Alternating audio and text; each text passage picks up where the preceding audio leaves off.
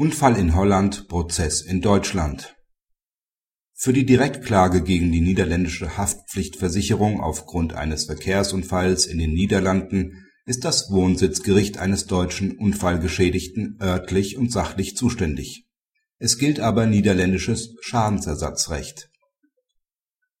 Auf das Fahrzeug des deutschen Klägers fuhr in den Niederlanden der Versicherungsnehmer einer niederländischen Versicherung auf der Schaden wurde bis auf die Mietwagenkosten und den merkantilen Minderwert ersetzt.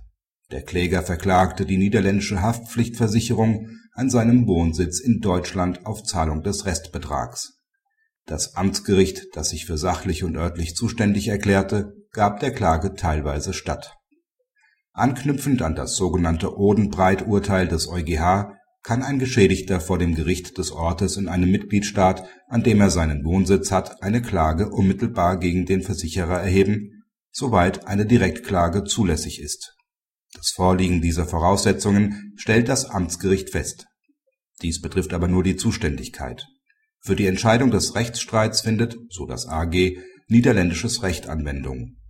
Gemäß Artikel 40 Absatz 1 EGBGB ist für unerlaubte Handlungen das Recht des Handlungsortes maßgebend. In den Niederlanden gilt das Haager Übereinkommen über das auf Straßenverkehrsunfälle anzuwendende Recht vom 4.5.1971. Artikel 3 dieses Abkommens verweist auf das Recht des Staates, in dessen Hoheitsgebiet sich der Unfall ereignet hat.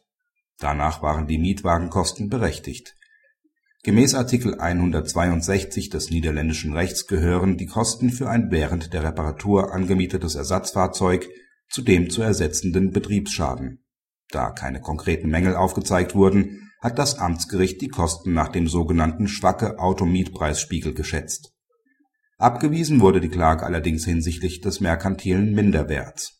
Zwar gehört zum ersatzfähigen Schaden auch der merkantile Minderwert, die sogenannte Wadevermindering die Grundsätze für die Berechnung der Wadeverminderung werden regelmäßig in den Richtlinien zur Bestimmung der Wertminderung bei Beschädigung von PKWs veröffentlicht.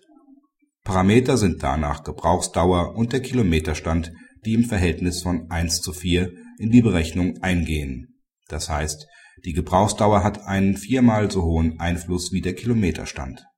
Die Höchstgrenze liegt danach bei fünf Jahren und sieben Monaten, die im Fall aber überschritten war. Ausblick Deutsches Gericht, niederländisches Recht, deutsches Prozessrecht. Dies wird den Verkehrsrechtler nicht nur in den Grenzgebieten zunehmend beschäftigen.